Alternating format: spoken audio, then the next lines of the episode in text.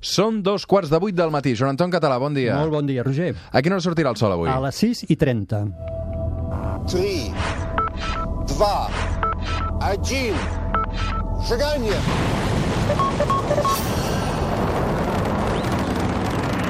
One small step for man, one giant leap for man.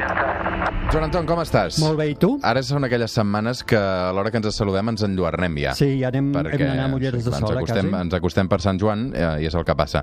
Joan Anton, avui és que em fa una il·lusió immensa explicar-te això que ens va passar ahir, perquè ahir va venir el petit de Calaril, no sé si el coneixies, el Joan Pons, Ho vaig escoltar, eh? amb, amb la Núria Graham i va passar eh, va venir a presentar el seu disc que es diu Energia Fosca, d'acord?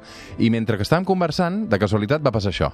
Mira, aquí fem un espai de- d'astronomia els diumenges al, al matí, l'hora que ens llevem, i tenim el Joan Anton Català, que és astrofísic, i un dia vam dedicar un capítol a l'energia fosca. Perdona, Sí, i jo el vaig escoltar, aquest programa. Fa, fa temps d'això, no? sí fa, fa un, un parell de mesos, o tres, o quatre, Doncs sí. eh, em va donar eh, moltes idees. Fantàstic. Va parlar de la senyal, senyal WOW Sí, i després l'energia fosca i la matèria, no sé què. I jo anava amb cotxe, escoltant-vos, i vaig eh, posar... M'ho vaig apuntar, l'SMS encara el tinc guardat, Mhm. faig un SMS sin enviar, i, i després aquí, aquí tinc moltes idees que faig servir pels discos. I, Joan Anton, ets font d'inspiració del petit de Calaril de l'últim disc. És increïble, em, em vaig quedar quan ho vaig sentir i dic, no pot ser. Però no és que, a més, ser. una de les cançons més fantàstiques d'aquest disc es diu precisament um, Energia Fosca. A veure, puja, puja, sisplau. Dins la teva mà veig tots els camins. Que hauries d'haver vist ahir el petit de Calaril com descrivia el so d'un coet. Es va tornar boig. eh, I, I em fa molta il·lusió, de debò, eh? A mi també, jo em vaig quedar, ja t'ho dic, que per mi és sorprenent i és una, una excel·lent notícia, una excel·lent notícia.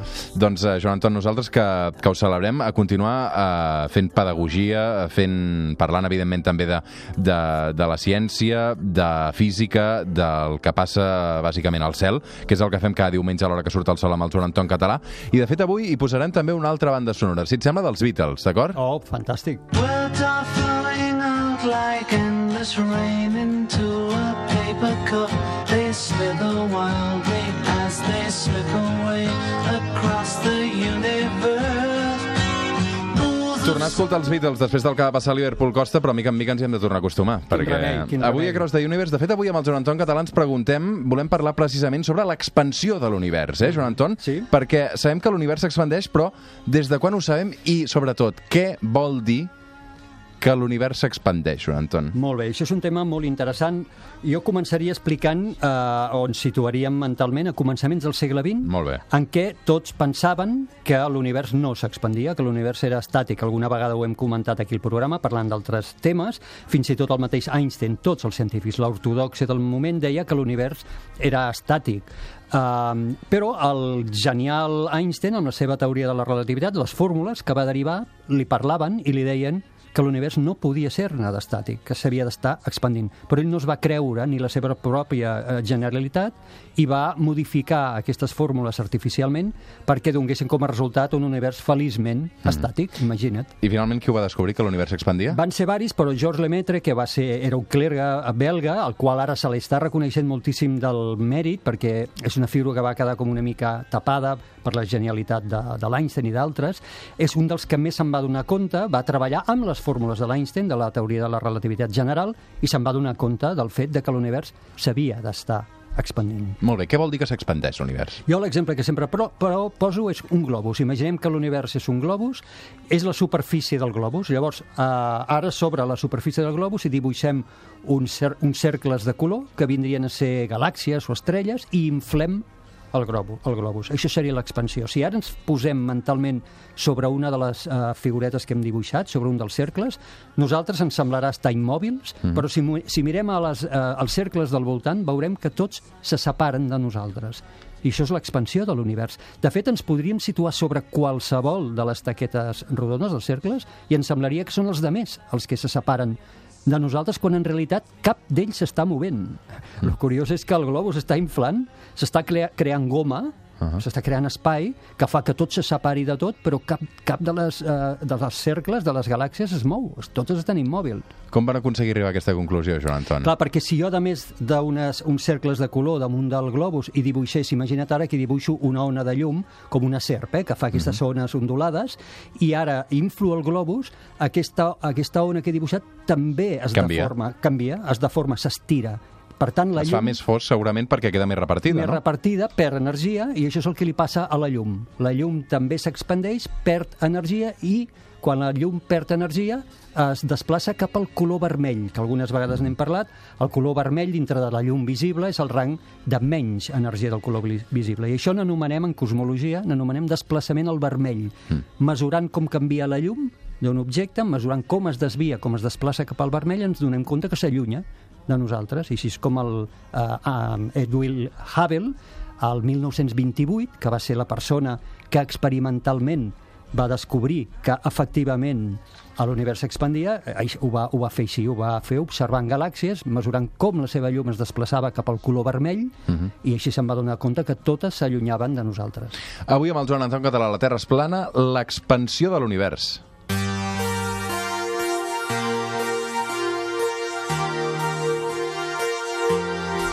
A veure, Joan Anton, hem parlat de globus, hem parlat de llum, hem parlat de colors vermells. Uh, sabem que Hubble, um, que la llum d'una galàxia s'havia desplaçat amb color vermell, Molt no? bé, exacte. D'acord. El, el següent procés. El següent procés és, ell va mesurar dues coses, el Hubble.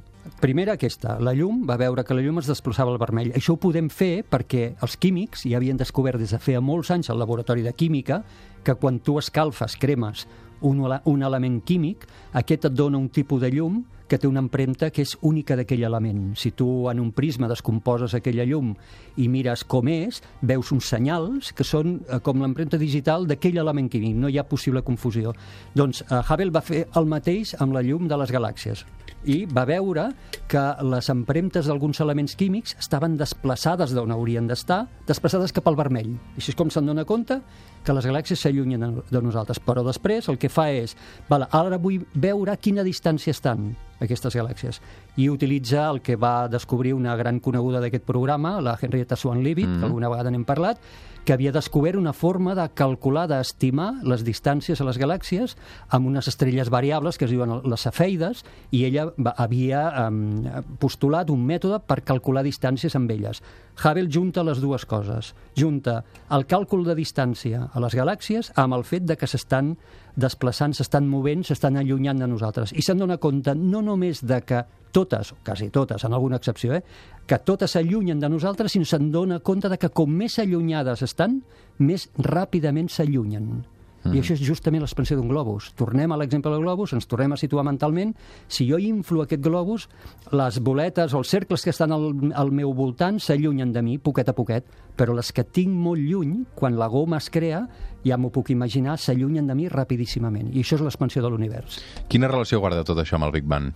Clar, eh, llavors la, la teoria si ara jo rebobino, si l'univers avui s'està expandint i tot s'està allunyant de tot, si tiro enrere el temps, rebobino, tot s'hauria de juntar, juntar, juntar, juntar, fins que arribaria un moment teòric en el que tot estaria junt. Mm. I, per tant, això quadra amb la idea del, del Big Bang, que ja alguns havien començat a postular, amb la teoria de la realitat de l'Einstein, que era això, que hi hauria d'haver hagut un moment zero de l'univers on tota la matèria i energia estaven enormement concentrades. Mm -hmm. A quin ritme s'expandeix aquest univers? Ho sabem, això? Sí, ho sabem. Hem anat, hem anat estimant eh, aquest ritme per diversos mètodes. Actualment tenim unes mesures que ens donen al voltant del 72, 70 i pico, eh, que això són quilòmetres per segon per megaparsec. Ja, ja explico. A veure, Sí, un, un parsec és una unitat de distància, estem acostumats als... Joan Anton, t'estàs passant avui, eh? Va, va, no, però només una miqueta. A veure, el parsec, eh? va. Només, va. Eh, estem acostumats als anys llum. Eh? Els Sí. anys llum ja els maneguem, doncs un parsec són tres, una, mica, una mica més de 3 anys llum, és una altra mesura d'aquestes. Doncs el ritme d'expansió de l'univers vol dir que, com que ara el que deia jo, que com més allunyat està una cosa, més ràpidament s'allunya, no puc parlar de velocitat d'expansió, perquè cada objecte tindrà una velocitat diferent. Com més lluny estiguin, més velocitat tindrà aquell objecte. I el que parlem és d'aquest ritme, que ens diu que per cada megaparsec que jo m'allunyo, per cada 3 anys llum que jo m'allunyo, la velocitat en què semblen allunyar-se de mi aquells objectes augmenta amb un 72, 74 quilòmetres per segon. Vale? Això perquè ens fem una idea és pot haver-hi objectes que estiguin tan allunyats de nosaltres que s'estiguin allunyant a velocitats properes o superiors a la de la llum. Imagina't Això és complicat, eh? objectes que estan tan allunyats de nosaltres que en el globus aquell cercle estaria tan, tan lluny a la goma dibuixat del nostre cercle que quan inflem el globus s'està allunyant tan ràpid de nosaltres que ho està fent a més velocitat que la llum. Mm -hmm. El ritme d'expansió sempre ha estat el mateix, Joan Anton? No, llavors, eh, quan l'univers va començar, en el Big Bang, aquest ritme d'expansió... Devia ser més ràpid. Molt ràpid, clar, perquè era com aquesta, aquesta explosió inicial, que no era una explosió. La gravetat el que va fer és frenar-la. La gravetat el que intenta és parar, contraure l'univers, parar la- l'expansió. I torno a l'exemple del globus, que em va molt bé per explicar aquestes coses. Eh, Quan tu comences a inflar un globus, has de vèncer una resistència inicial, que és la resistència del globus, i eh, de seguida et quedes sense alè. Eh? I la goma és aquell moment en què no saps que t'has posat vermell, que ja no saps si aconseguiràs inflar-lo o hauràs de deixar. I això és el que va passar amb els primers milers de milions d'anys de l'univers. Però el que va passar després és que aquest algú, que ara en parlarem, que justament es diu energia fosca, que està inflant el globus, va agafar més alè, va seguir bufant i ja va vèncer aquesta resistència i ja quan l'has vençut ja no hi ha res, no té aturador i sembla que avui a l'univers, l'expansió de l'univers ja no tindria aturador, hauria vençut aquesta resistència inicial que, va, que li va posar la gravetat i ara s'estaria expandint sense res que l'aturi. Per què dius que ara aquí entra en joc l'energia fosca? Perquè llavors, clar, la pregunta és qui està bufant? Qui està inflant aquest globus, no? Eh, com que no ho sabem i aquest és la, el que li hem anomenat energia fosca. L'energia fosca seria una energia que desconeixem encara la seva naturalesa, que és la que estaria provocant l'expansió de l'univers des del primer instant. És aquesta que estaria inflant el, el globus. És una energia que, com et deia, estem intentant entendre, estem llunyíssim de poder-la entendre, no sabem ni com funciona, ni què és, i se li va donar aquest nom així tan inspirador com a energia fosca, que de fet ha ser- ha servit, com hem vist, per inspirar realment eh, obres d'art. No? Mm -hmm. um, de fet, avui amb el Joan Anton Català estem intentant explicar per què l'univers expandeix, um, algunes claus i quina relació té tot plegat amb l'energia fosca. Escolta'm, aquí, la radiació còsmica de microones, què és a tot això? Clar, la radiació còsmica de microones és un altre vell conegut nostre, és la llum, la radiació de la llum, que es va eh, alliberar poc després del Big Bang. 380.000 anys després del Big Bang, que això no és res, va quedar lliure una llum de molt alta energia que va eh, córrer per tot l'univers. I ara fixem-nos, com que l'univers s'expandeix, hem dit que la llum també és afectada per l'expansió i que la llum es refreda per energia, com aquesta ona que dibuixàvem, aquesta llum de microones, que era, no era de microones, era llum d'altíssima energia, rajos gamma, es va refredar, es va anar estirant, estirant, estirant, ho ha estat fent durant més de 13.800 milions d'anys i s'ha refredat tant, s'ha estirat tant, que actualment la rebem en format de microones, que és una llum de molt baixa energia, quan ella originalment era de molt alta energia. Per tant, ens lliga perfectament al relat del Big Bang, aquesta llum que la teoria del Big Bang preveu que es va alliberar en aquell moment, efectivament la rebem i a més la rebem clavada a com l'hauríem de rebre si l'univers realment s'hagués expandit com pensem, perquè s'ha refredat i aquesta llum ultraviolada eh, no, eh, o de rajos gamma, molt més energètica, ens arriba avui en format de microones, que és de molt baixa energia. El Pere Solsona, que és un matiner que ja escriu a la xarxa a aquesta hora, eh, pregunta, diu, però si l'univers s'expandeix, com és que la Terra segueix orbitant el Sol i nosaltres mateixos no ens estripem? Bona, bona, molt bona. Pere Solsona, ànims. Molt bé. Eh, clar, perdoneu que torni a l'exemple del globus, però és que em va, em va molt bé per explicar-ho. La qüestió del globus i de l'expansió de l'univers és que res no es mou. És dir, les galàxies no es mouen. Sí que tenen eh, un moviment, però no té res a veure amb l'expansió de l'univers, aquest moviment, altre moviment que tenen. En l'expansió no es mouen. El que s'està creant és goma entre ells, entre les galàxies. I això fa que se separin, però en veritat tothom està immòbil, tothom pot reclamar ser el centre de l'univers, que això és el xulo. Eh, Llavors, què passa? Que a, curt, a curta escala la gravetat pot, la, la gravetat guanya. És com si hi hagués uns filets que estessin juntant les galàxies i els planetes i el Sol i la Terra, hi hagués uns filets que, a pesar de que es creï espai, aquests filets, que és la gravetat, guanya a curta, a curta escala i mantenen eh, fixes aquestes unions entre les galàxies més properes, entre els planetes, entre el nostre cos, de forma que tot i que l'univers s'expandeix, a, a curta escala nosaltres no tenim cap mena de sensació de que això passi. Eh? Mm. És com si l'espai s'estés creant per sota nostra i la gravetat, la gravetat, els filets de la gravetat mantinguessin unides aquestes estructures, però a escala petita. A la que ens n'anem a escala gran, la gravetat ja no pot. Mm. Llavors l'expansió de l'univers és la que domina. Aquesta te la faig jo. Uh, si l'univers s'està expandint acceleradament, com acabarà tot plegat? Ah, ah, ah. Llavors, eh, aquí la paraula clau és accelerat. Estem bufant el globus, no podem, ens estem quedant sense alè, però ve l'energia fosca, fa la gran bufera, um, venç la resistència de la matèria mm. i l'univers no tan sols segueix expandint-se, sinó sabem des de fa poquets anys, començaments d'aquest segle XXI, que l'univers s'està expandint, a més, acceleradament, és a dir, cada cop més ràpid que és una cosa increïble. És dir, aquesta energia fosca ja ha vençut tota resistència de la goma i ja sembla que res no eh, l'aturarà. Per tant, com acabarà l'univers? No ho podem certificar, però tot sembla indicar que seguirà expandint-se eternament. I cada cop l'univers serà, si ja és buit ara, doncs encara serà desoladament mm. més buit. Eh, I fins i tot fixa't que els astrònoms del futur, si és que queda algú, els hi pot arribar a costar entendre l'univers, perquè nosaltres hem pogut entendre l'univers a base de veure galàxies, veure estructures, eh, però tot, tot s'haurà allunyat de tot d'aquí a molts milers de milions d'anys, que no hi haurà res al voltant nostre. Clar, estudiar astronomia et deu provocar una frustració constant i repetida. No? No, al revés, és al revés, justament al revés. És dir, jo sempre parlo de l'equilibri, d'aquest contrast entre el no som res mm. i el quina sort tenim de tenir vida i de poder estar parlant i descobrint coses com aquestes. Sí, però en aquesta vida mai podràs resoldre les grans No, clar, preguntes. clar. I això, vulguis que no et deu generar... Sí, un- si tu tens la inquietud mica. de desxifrar qui som Sí. i què hi fem... Sí, però això és impossible de que algú s'ho pugui menjar, no? I llavors el que fem són petits passos, però jo estic content de viure un moment històric en que, estem descobrint i podem parlar de coses com aquesta. Jo ja saps que només tinc una espineta clavada, no és espineta encara, però que és la meva aposta de tot el vermell, que és la meva pregunta de si estem sols, de si hi ha vida, i aquesta sí que és la pregunta que jo voldria resoldre, que algú resolgués, però no la resoldré jo,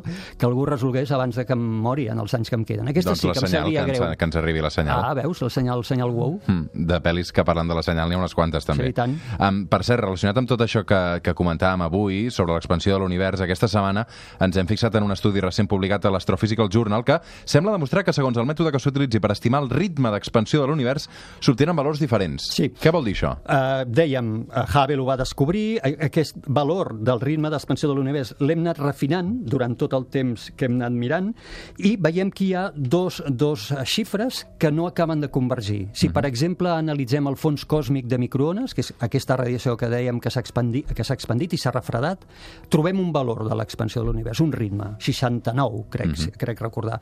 Eh, però, en canvi, si aquest mateix valor l'intentem estimar a partir d'altres mesures, com per exemple supernoves llunyanes o les cefeides, obté, obtenim valors de 74-75. Inicialment es va pensar que no hi havia cap problema, que això eren errors de mesura i que a poc a poc aquesta diferència aniria convergint, tal com tinguéssim equipaments més, de, amb més precisió. Però justament no ha passat això, ha passat al contrari, es manté aquesta diferència entre valors i l'últim estudi que s'ha publicat ve a dir que ja no es pot veure cap error de mesura, sinó que això només pot tenir una explicació, que és que no acabem d'entendre com nosaltres pensàvem l'expansió de l'univers i que encara ens queda temps per veure què està passant, com és que aquests dos valors no, no convergeixen en un 9% de diferència que tenen. Joan Anton, anem acabant. Abans, però, eh, ens hauries d'explicar què hi passarà aquesta setmana al cel si seguem el cap. Molt bé, que hauríem de fer-ho. Eh, doncs veurem Júpiter i Saturn, que ja vam explicar que van guanyant alçada la segona part de l'any i es van situant perquè aquest estiu siguin els nostres objectius principals. Eh, Júpiter ja es pot observar passada la mitjanit, amb prismàtics la gent li veurà els quatre satèl·lits principals ballant al seu voltant, vol dir que mirats un dia o mirats l'altre hauran canviat, i Saturn el tindrem perfecte també a l'estiu perquè ens apropem en algun amic que tingui un telescopi o en alguna agrupació astronòmica i ens ensenyi els anells de Saturn perquè no ho oblidarem mai. Doncs de Saturn en podríem saber una mica més, no? Si vols fem un programa. Vinga. Perfecte. La setmana que ve dediquem un capítol. Vinga, fet. Joan Anton, fem una pausa i de seguida tornem al suplement. Fins ara. Fins ara.